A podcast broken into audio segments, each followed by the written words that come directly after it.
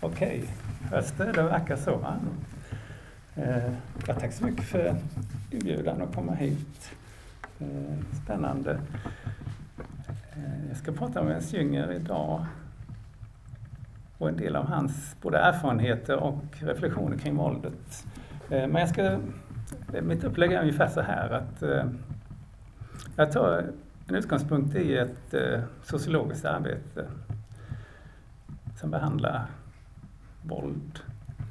Sen kommer jag in på Ernst Jünger, får kanske göra en kort presentation av mannen utan att bli långrandig för han är förmodligen inte känd, så välkänd för alla. Eh, sen kommer jag in på en del om hans eh, dels krigsupplevelser, framförallt kopplat till första världskriget och så att säga hans reflektioner kring vad han upplevde. Eh, och jag kommer avrunda med, ska vi säga, en liten försiktig eh, koppling till, till Freud. Jag är inte alls någon, någon kännare av Freud så det blir bara fånigt om jag ger mig ut på djupt vatten där men ett, en liten försök till vinklade åt det hållet kommer jag göra.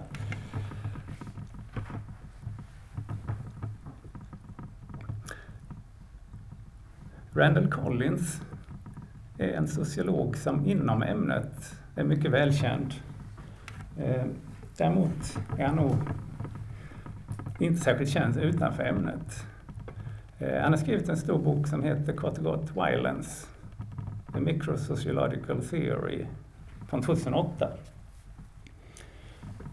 Och han är intresserad av är ungefär vad han kallar våldets mikrodynamik. Han är in, intresserad av våldsamma situationer, alltså situationer där våld uppstår. En slags situationsdynamik. Så han är inte primärt intresserad av våldsamma individer, utan de situationer där människor blir våldsamma, begår våldshandlingar. Och det innebär också att han fokuserar inte på bakgrundsvariabler. Vad de nu kan vara, alltifrån testosteronhalten, det skulle kunna vara en bakgrundsvariabel. En aggressionsdrift skulle kunna vara en bakgrundsvariabel. Olika former av upplevda orättvisor, ojämlikheter skulle kunna vara faktorer som är ett slags bakgrundsvariabel. Han menar att de säkerligen spelar en roll, men inte å andra sidan inte tillräckliga orsaker. Det finns något som utmärker just situationer där, där det kommer till våldshandlingar. Så han har en ganska specifik infallsvinkel på, på temat. Eh, man kan säga att han utgår från en föreställning om vad som kännetecknar normal interaktion mellan människor. Man kan tänka situationer när man är, som det heter, i goda vänners lag, träffar en, en nära vän. Man har i regel ett gemensamt uppmärksamhetsfokus. Man gör något gemensamt, man samtalar om, om något. Det uppslår en slags gemensam rytm och känsla i interaktionen, oftast en positiv sådan. Det kan handla om en konversation som böljar fram och tillbaka Det är överhuvudtaget en interaktion som bygger upp vad Collins kallar emotionell energi av det positiva slaget. Det är ungefär när man, som man säger när man skiljs att det var kul att, att ses, det måste vi göra igen. Det har varit så säga, en positiv injektion. Så ser han ungefär normala interaktionsförlopp. Och det är en situation där våld känns väldigt avlägset. Och även kanske när vi har att göra med människor som vi inte har den nära kontakten med. Man, man hittar, eller försöker hitta rätt avstånd till varandra och är rimligt hövliga och artiga i umgänget. Eh, även i sådana situationer känns våldet ganska avlägset. Det är för Collins den normala typen av interaktion.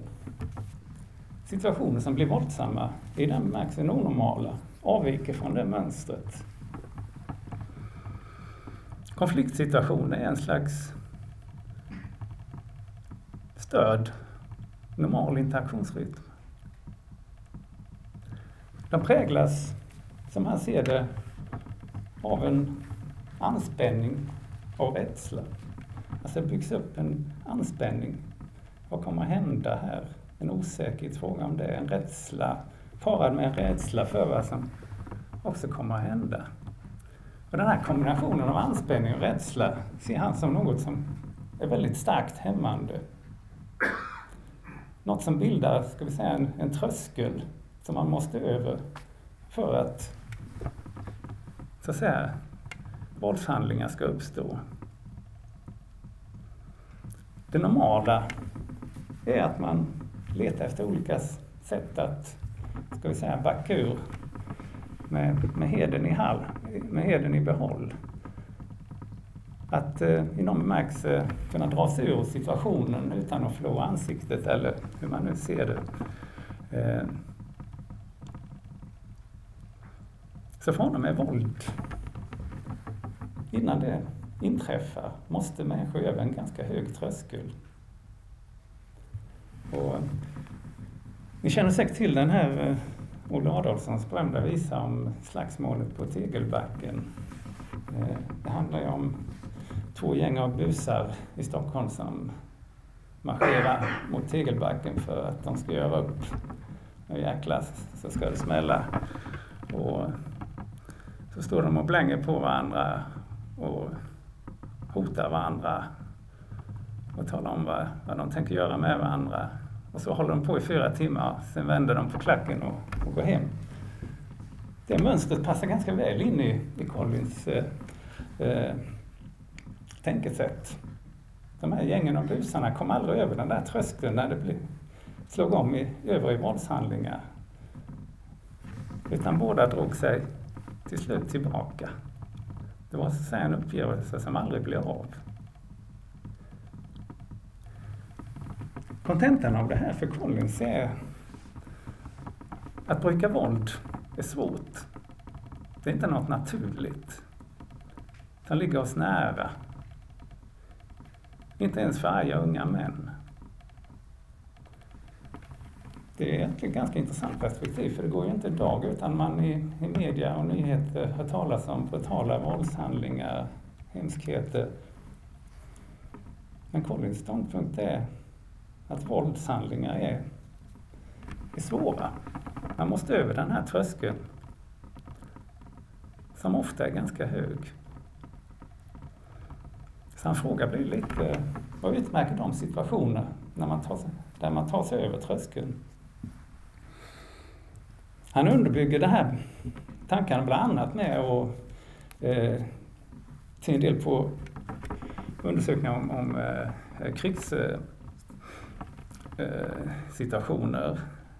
Eh, det gjordes till exempel efter andra världskriget en hel del amerikanska undersökningar om hur, hur de amerikanska soldaterna hade agerat i strid.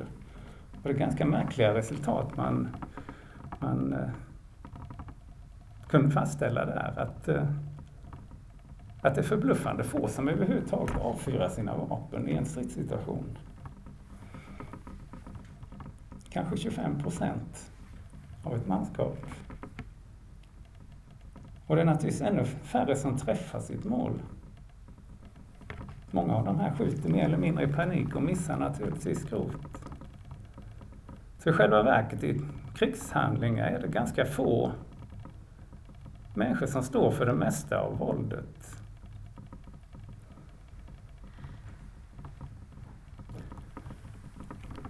Eh, jag nämnde det här för det ska ju så småningom handla om S. Jüngers eh, framförallt erfarenheter i, i krigssituationer. Eh, vad är det som gör, vad utmärker de situationer när man tar sig, tar sig över den här tröskeln? Ja, Collins tycker sig finna två mönster. Det första är att attackera den som visar svaghet. Om en motpart visar någon form av svaghet då kan situationen lätt eskalera i våld, våldshandlingar.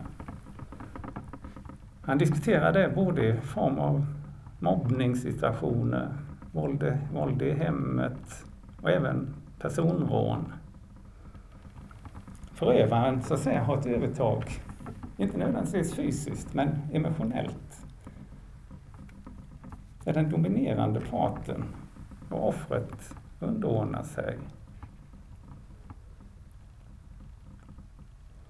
I det här sammanhanget diskuterar han både det, så att säga, det mera slumpartade våldet, kanske en rånare som hittar ett lämpligt rånoffer av en slump. Tyvärr är det kanske inte helt godtyckligt att, att det i många fall är gamla och svaga personer som blir, blir offer för rån. Som man sen motbjudande läser om i tidningen. Det är snarare ett typ, typexempel på att attackera den svage. Och när det gäller mobbningssituationer och våld i hemmet betonar han bland annat att det tenderar ofta att uppstå ett slags rollspel. Och rollerna är ju förövare och offer här. Som läs in av båda parter och de synkroniserar så att säga med varandra. Ehm, och kanske är det en del av förklaringen till att den typen av våld, mobbning och våld i hemmet kan pågå så länge. Efteråt är det svårt att förstå hur kunde det här pågå så länge. Ja, Collins svar skulle vara att det ofta handlar om att man går in i vissa roller som blir mer eller mindre konstanta. Så hans ena sätt, som han ser det, att komma över den här tröskeln till, till våldshandlingar handlar om att upptäcka en svaghet hos motparten och så att säga rikta in sig på det. Eh, den andra, och jag tror i vårt sammanhang kanske viktigare, är något som man kallar forward panic. Alltså en framåtriktad panik. Spontant tänker man ju paniksituationer i att man flyr hals över huvud bakåt, bort ifrån situationen. Här handlar snarare om motsatsen. Panik utbryter, men den riktas framåt mot en motståndare, mot en upplevd fiende. Och Collins beskriver det ungefär så här att en sån här typ av panik föregås av att en spänning har byggts upp under en lång tid. Det föregås av en slags passivitet eller väntan som till slut övergår i aktivitet. Det inbegriper en, man kallar en emotional rush. Man rycks bokstavligen med i någonting. Och det har en självstärkande, förstärkande karaktär. Det kan stegras till ett raseri som, så att säga, man inte har någon kontroll över. En panik är ju att man förlorar i hög grad kontrollen över vad man gör. Det uppstår lätt situationer av att inte kunna sluta. Då har man ju den typen av våldssituationer där förövaren slår efter att offret medvetslöst, kanske inte längre vid liv. Förövaren fortsätter skjuta efter offret är oskadliggjort.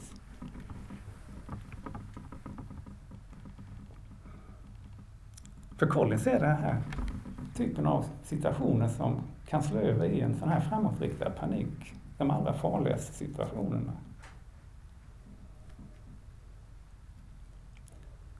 Det är de som föregår olika former av massakrer och illdåd i många sammanhang.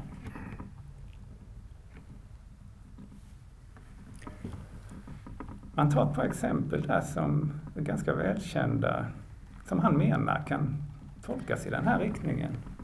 Eh, ett är det här som kallas, ska vi säga, Rodney King-affären. Alltså en, en svart man i Los Angeles som, som brutalt misshandlas av fyra poliser. Och, och en stor grupp poliser tog runt omkring och såg på.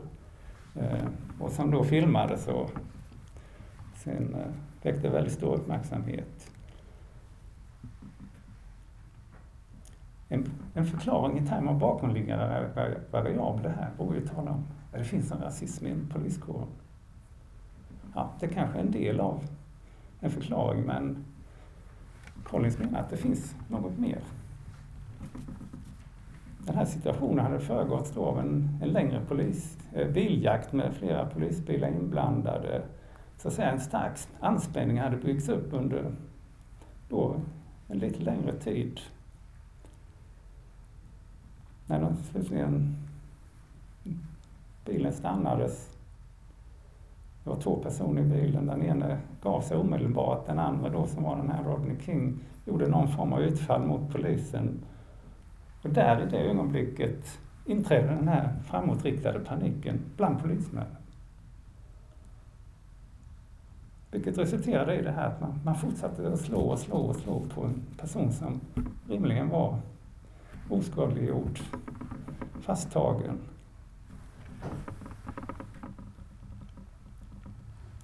Och det här är ju förstås inget försvar för vad som hände. Men Collins är intresserad av att försöka förstå hur det kan, sådana situationer kan uppstå. En annan aspekt av det här, den framåtriktade paniken, det är att eh, man kan ofta iaktta, och han anför en hel del material, hur den här situationen också genererar plötsligt en slags nästan hysteriskt skrattande. Mitt i våldsagen så verkar man ha roligt.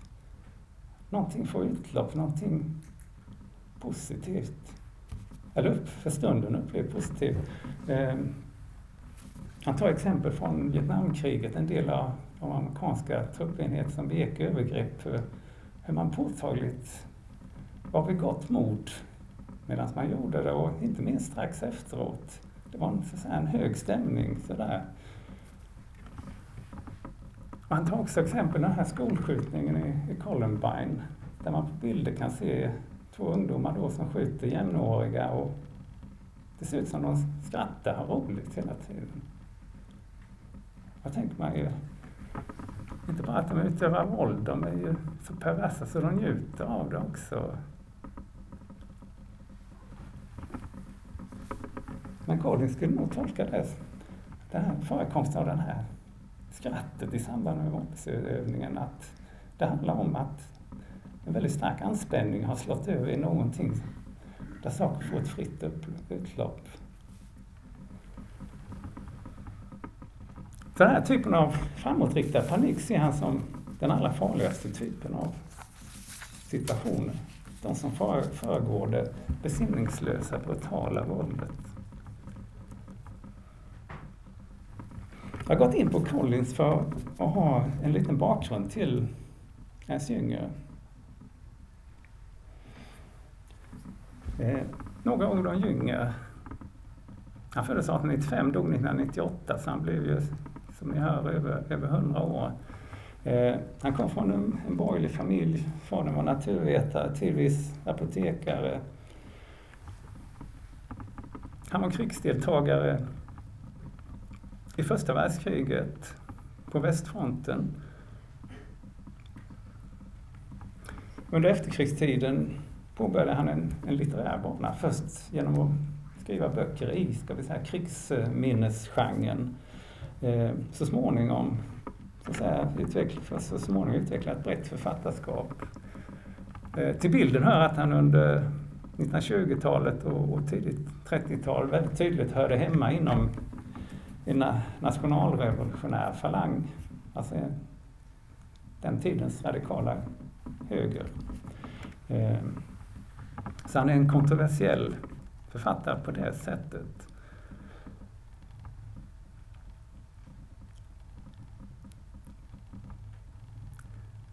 Men som sagt, efterhand utvecklar han ett, ett, ett ganska så brett författarskap som han skrev i många genrer.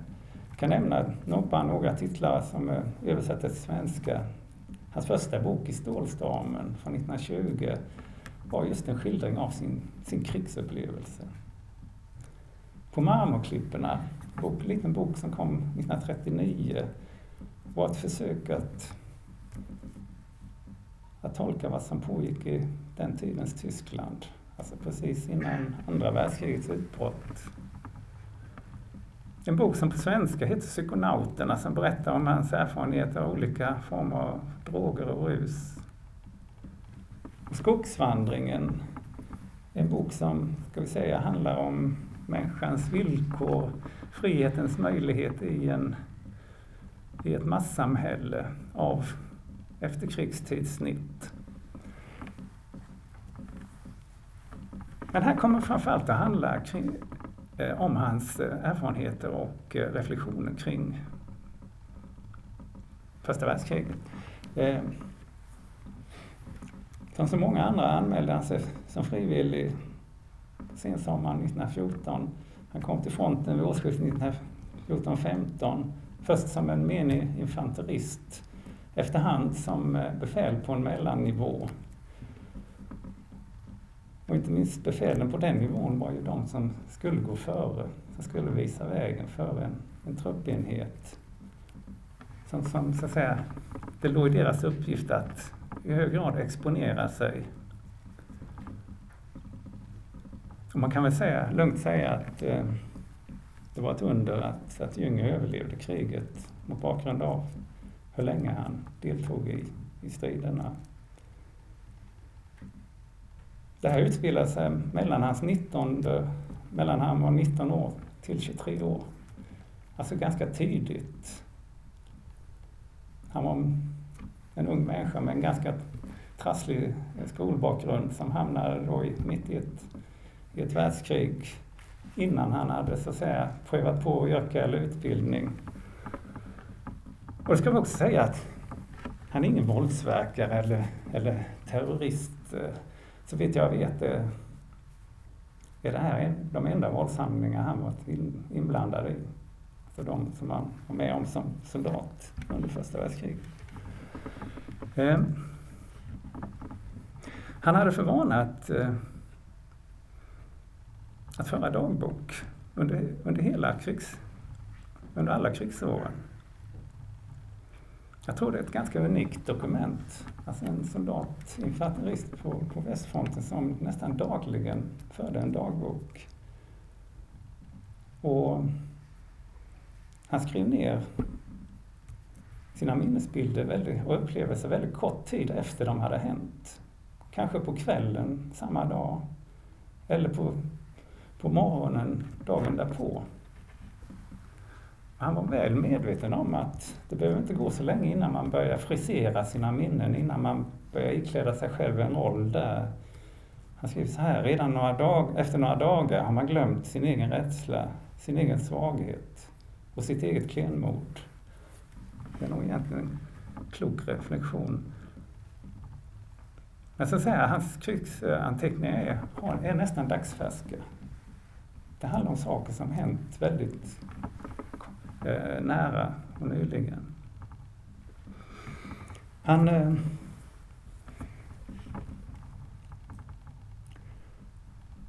avrundar sina eh, krigsdagböcker. De var från början i ett antal mindre häften men numera finns de ju utvidgade, eh, samlade i en volym. Eh, han avrundar dem ungefär så här genom att skriva människan är oberäknelig.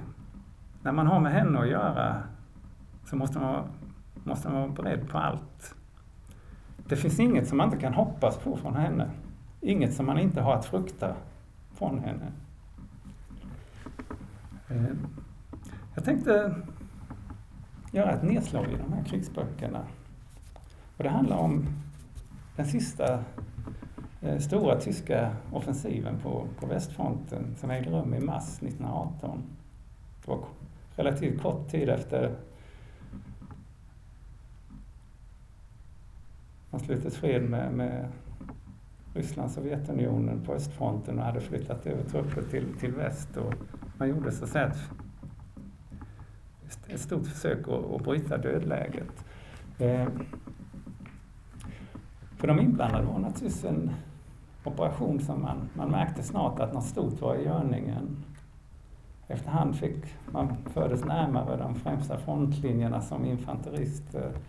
Efterhand så fastställdes en, en dag och en tidpunkt när så att säga, anfallet skulle starta, en tidpunkt på minuten. Så det fanns en väldigt lång period av att bygga upp en, en stor anspänning. Och naturligtvis, men naturligtvis med inslag av rädsla. Vad, vad kommer att hända? Vad kommer det här innebära? Och sen plötsligt då på, på minuten så börjar angreppet. Han ska kravla, klättra upp ur skyttegravarna och rusa över det så kallade ingenmanslandet. Eh, Jünger beskriver de känslor han och förmodligen hans kamrater kände i det här ögonblicket. I, i termer av upphetsning, blodtörst, raseri.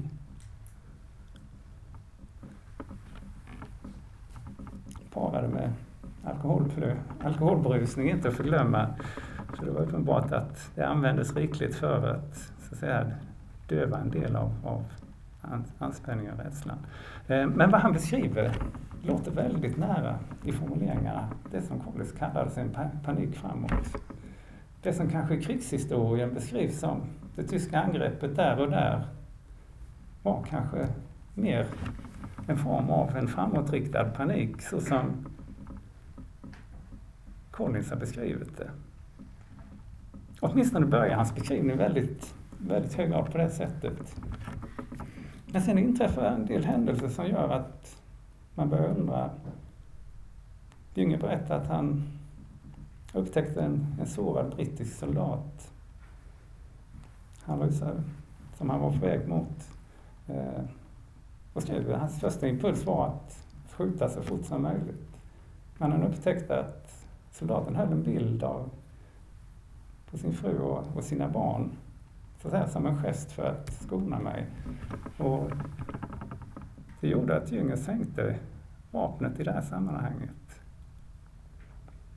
Det tyder ju snarare på en rätt stor sinnesnärvaro, en grad av självkontroll i den här upphetsade, kaotiska situationen som inte rimmar så, så väl med, med Collins tankar.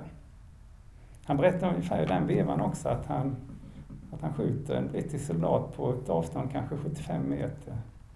Det är inte lätt att träffa om man inte siktar noga och har en viss kyla i, i hela aktionen. Det tyder också på att det inte riktigt, eh, kanske Collins bild där av den framåtriktade paniken håller. Men ganska snart uttrycker han sig igen i termer som frammanar den bilden. Han talar om en angreppslust, ett obetvingbart behov av att förstöra något. Han talar om en framåtrörelse utan ledning. Visst, han var ju en officer, men han tillstår att efterhand så ganska snart så sprang människor huller om buller och det var inte tal om några samlade truppenheter längre. Då är man återigen mera inne på Collins tolkning av den typen av situationer. Han berättar också en liten yngre, alltså en episod mitt under det här stridens larm. Att plötsligt dyker en hare upp på stridsfältet där det skjuts kors och tvärs. Och en av de tyska soldaterna börjar skjuta efter den istället. Vilket får de som så att säga, notera det hela att, att bryta ut i ett rungande skratt. Ett skratt som vi förmodar lättade på kan man säga, den inre anspänningen. Så Jungers beskrivning av de allra första delarna av det tyska angreppet ligger å ena sidan ganska nära det Collins kallade den framåtriktade paniken. Å andra sidan har en del inslag som inte rimmar riktigt med, med den tolkningen.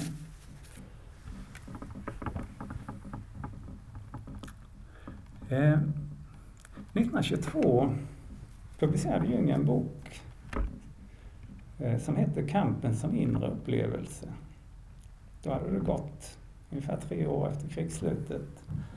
Eh, boken handlade nog inte om kriget som en yttre upplevelse.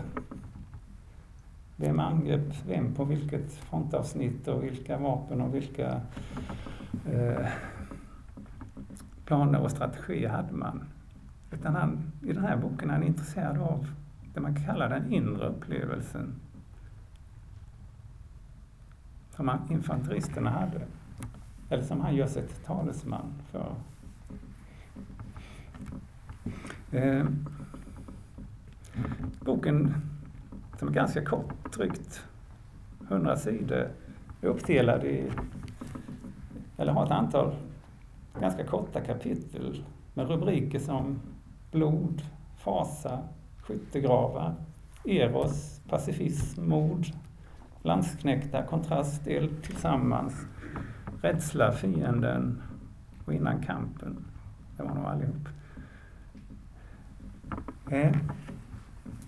Det centralmotiv som man kan hitta i de här anteckningarna och reflektionerna kring kampen som inre upplevelse. Och här är det ju snarare så att nu befinner sig Jünger på distans från upplevelsen. Det har gått ett antal år. Det civila livet har så att säga återinträtt. Han reflekterar över vad hände egentligen under de där åren? Vad hände i, det in, i vårt inre?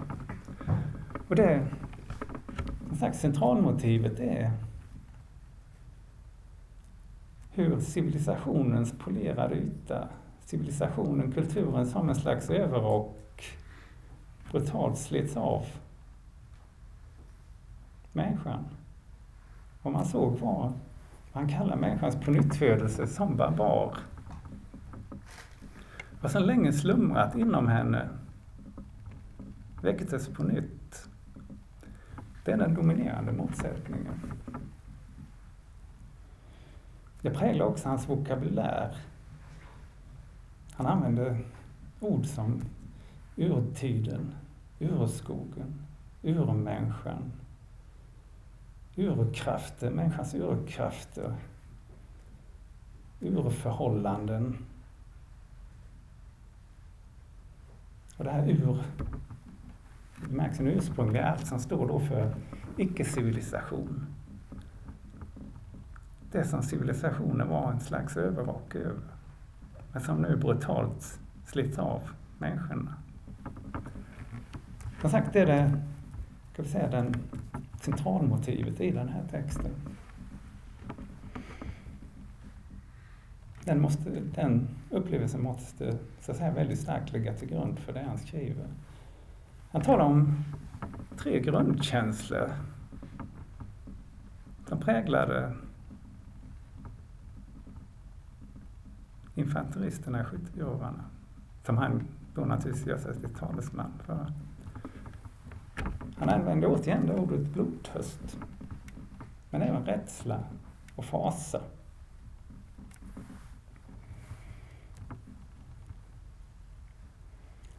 Och skulle man vara ärlig skulle han nog kunna lagt till ordet leda, men det gör han inte för många frontavsnitt så var det ingen stridsaktivitet under långa perioder och vad soldaterna där framförallt upplevde verkar ha varit en oerhörd leda.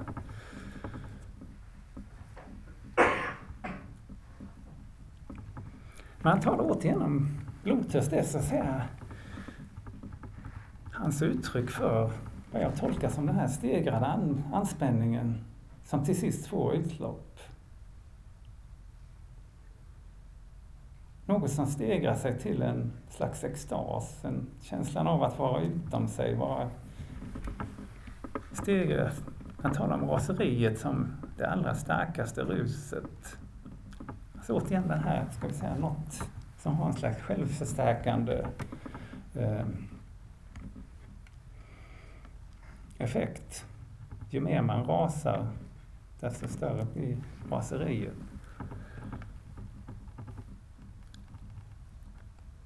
Han gör en intressant skillnad mellan å ena sidan rädsla och å andra sidan fasa.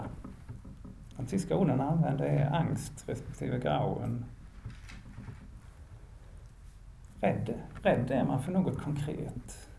Man är rädd för hundar, eller man är rädd för att flyga, eller man är rädd för en viss konkret person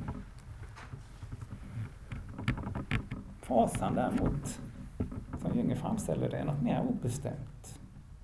Kanske någon, hela livssituationen. Man kan inte peka på, det är det som inger mig fasa. Då ska man säga, det är jag rädd för. Utan snarare någon, någonting som av karaktären är ganska obestämt men bryter fram som en urkraft.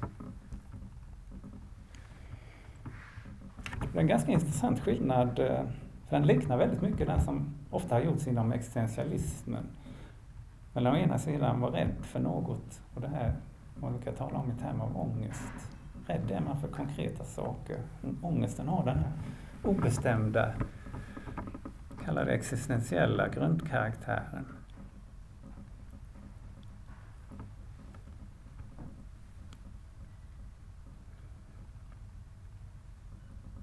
Han säger också att kunna uppleva, att känna den här fasan är något som skiljer människan från djuren.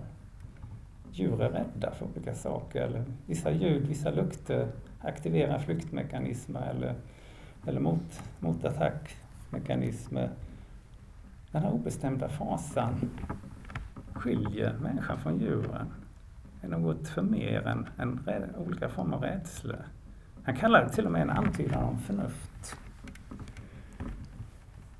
Det är alltså mer än rädsla. Man är utlämnad ska vi säga, sina förnimmelser och känslor.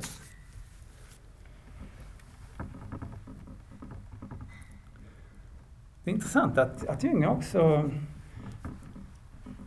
noterar och argumenterar för att det finns en, ett släktskap mellan fasan och vällusten och leklusten Man kan tänka på jägarens lust. Den lustkänsla som det innebär att, som det heter, nedlägga ett byte. Bokstavligen döda det. Funnes inte rätt stor portion av lust med i det hela så är det svårt att begripa varför det finns så många människor som är så begeistrade över jakt.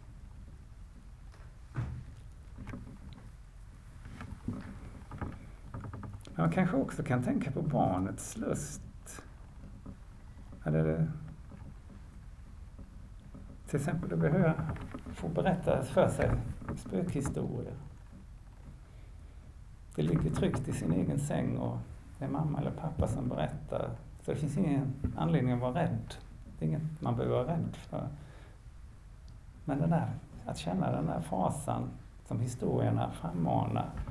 Att där finns på samma gång något starkt lustbetonat. Ingen rädsla, men en lustfylld fasa. Jag tycker det är intressant att Jung är inne på de här spåren att, att det han kallar fasan också har kopplingar till vällusten och kanske även leklusten. Så många lekar som, som handlar om att vara den som jagar och den som, respektive den som blir jagad. Man noterar också att, att fasan är så att säga granne med skratt, skrattet. Att krigslivet präglas av en, en väldigt bisarr humor.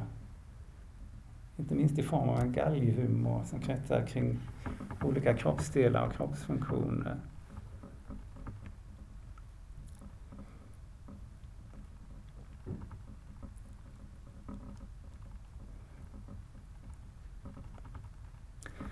Så lite ska sammanfatta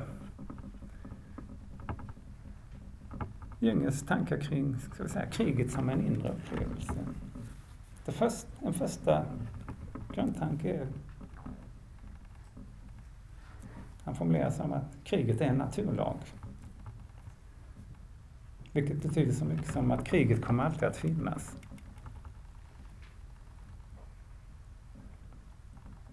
Det står ju i stark kontrast med det säga, föreställningar om att föra krig för att göra slut på alla krig.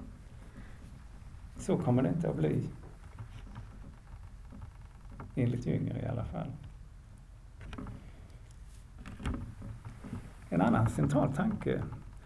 Krigets verkliga källor ligger djupt förborgade inom oss. Det är något i någon bemärkelse ursprungligt. Man kan anföra politiska skäl, man kan anföra orättvisor för varför människor för krig med varandra. Men det finns något, om vi får tro djungeln, något mer än det. Kriget har så här källor som ligger djupt förborgade inom oss.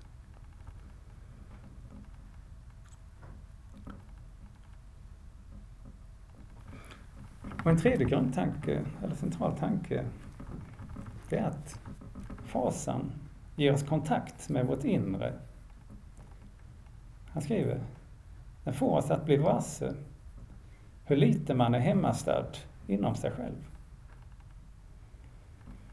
Så de tre lite av grundtankarna var kriget är en naturlag.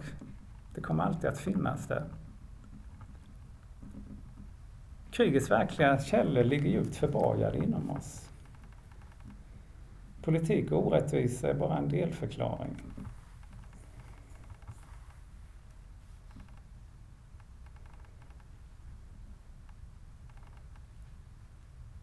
Genom fasan och kriget blir människan varse hur lite hon är hemmastad inom sig själv. Den här sistnämnda formuleringen ligger ju väldigt nära Freuds berömda tanke om att människan inte är herre i sitt eget hus. Att det försiggår så att säga mycket i vårt eget själsliga hus som, som vi inte har någon, ska vi säga, rationell kontroll eller egentlig inblick i. Den tanken mer eller mindre formulerar Gylling. Och han gör det inte därför att han är någon teoretiker på något sätt i det skedet av sitt liv. Man kan nog, jag tror man med ganska stor säkerhet kan säga att när Jünger skriver så, så har han aldrig läst en rad av till exempel Freud. Har ingen särskild inblick i så att säga, den psykoanalysen och, och liknande teoribildningar. Utan det i princip baserat på upplevelser. Kastar man en blick på Freuds Vi vantrivs i kulturen, som kom 1930, så är den dominerande motsättningen där egentligen densamma som Jüngers. Å ena sidan kultur och civilisationsmänniskan. Å andra sidan den ursprungliga människonaturen. Så skriver han. Han använder uttryck som urtiden, urmänniskan och urfamiljen. som en slags samlingsbeteckningar för det icke-civiliserade.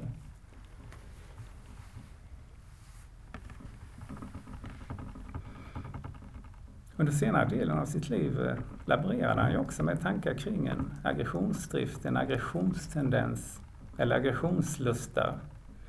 Aggressionslusten. Han använde alla de uttrycken i, i vantrivselkulturen. Eh, och jag tror Eh, till och med han använder ett uttryck, eller säger något i stil med att aggressionslusten är en form av naturlag.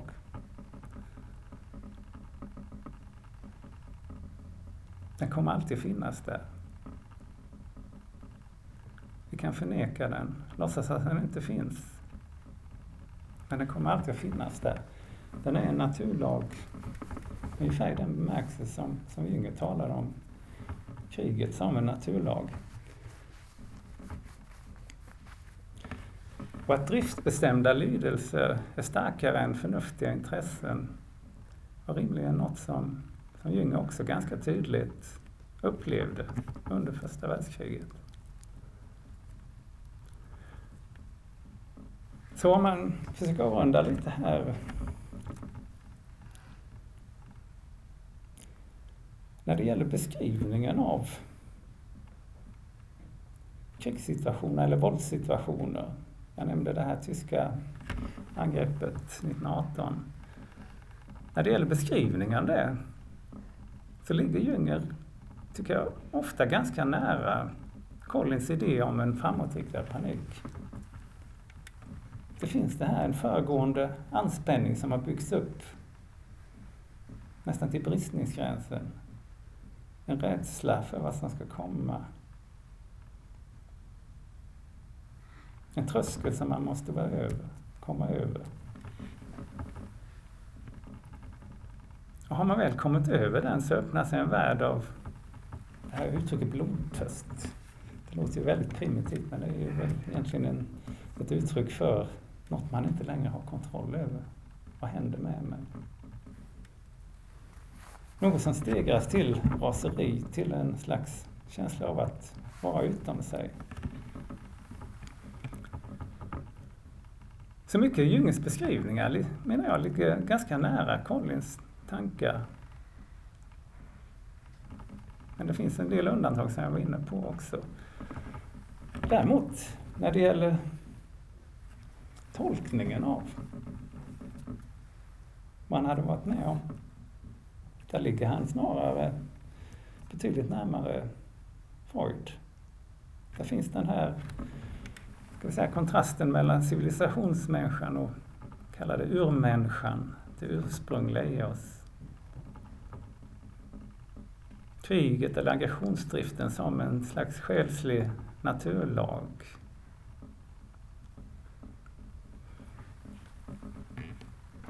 Tanken att man är inte så hemmastad inom sig själv som man kanske ofta inbillar sig när man lutar sig bekvämt tillbaka i länsstolen.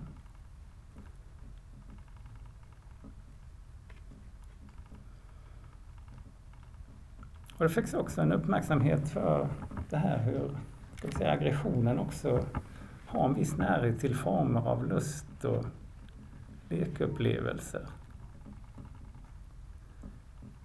Och som sagt, Jungs reflektioner är inte baserade på några mer eller mindre sofistikerade teorier utan är just reflektioner på någonting upplevt med, i det här fallet, några års distans. Eh, Okej, okay, jag tror jag stannar där.